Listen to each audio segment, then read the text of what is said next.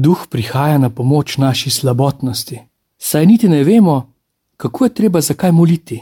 Toda sam duh posreduje za nas z neizrekljivimi vzdiši.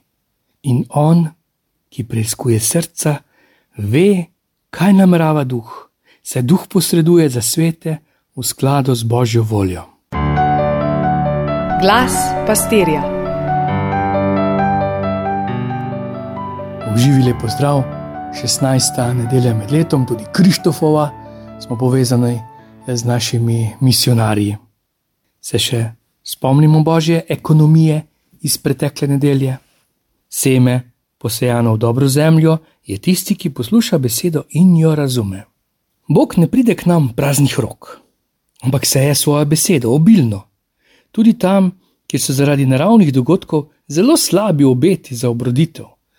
Sušna dežela, kamnito področje, pa ptiči, trnje, čaka na rezultate.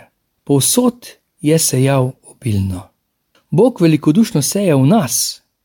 Mi smo tisti, ki se moramo z njegovo pomočjo spremeniti iz zemlje, neprimerne za obdelavo, v rodovitno prst, da bo njegova beseda usklila in obrodila primeren sad. Odmev te božje logike je, seme je padlo v dobro zemljo. Lahko se jezimo nad potrato sejavca, ki raztresa ob pot, pa na pot, pa med trnje. Lahko se jezimo nad seboj, da nismo dobra zemlja, nad ptice, ki grozijo, celo vsej pobožnosti lahko preklinjamo zlodeja, kot ga imenuje Jezus. No, ne bomo samo o prižiganju drobne lučke, čeprav je to definitivno bolj smotrno, kakor tarnanje in jamranje ali celo pobožno in obredno preklinjanje teme. Dejstvo je, da je sejalec šel sejat.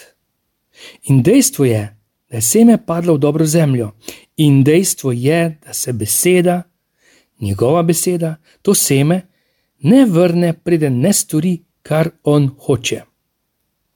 V svetu lažne pobožnosti, ko vsi tekmujemo in premagujemo druge in sebe in lažne bogove, ko zapadamo v ta barbikin in kenovski sindrom Miss Perfect, je tako blagodejno, da je naše srce prgišče zemlje, posejano semenom, najboljšim, božjim in hkrati oblegano s plevelom.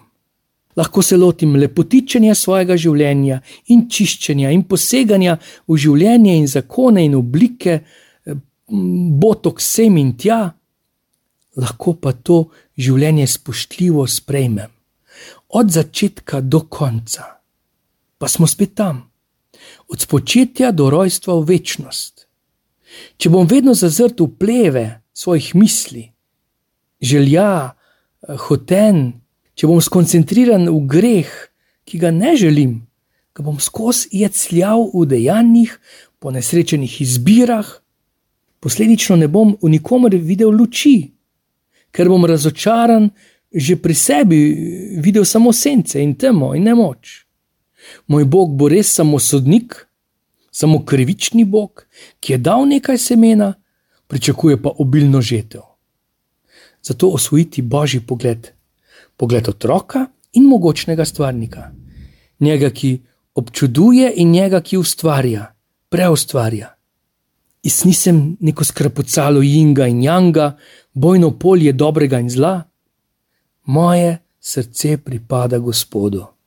Nisem igračka pobesnelega hodobca, ljubljen sem, otrok luči sem, ki je ranjen, ampak sejalec, bo dal, da bo žite obilna.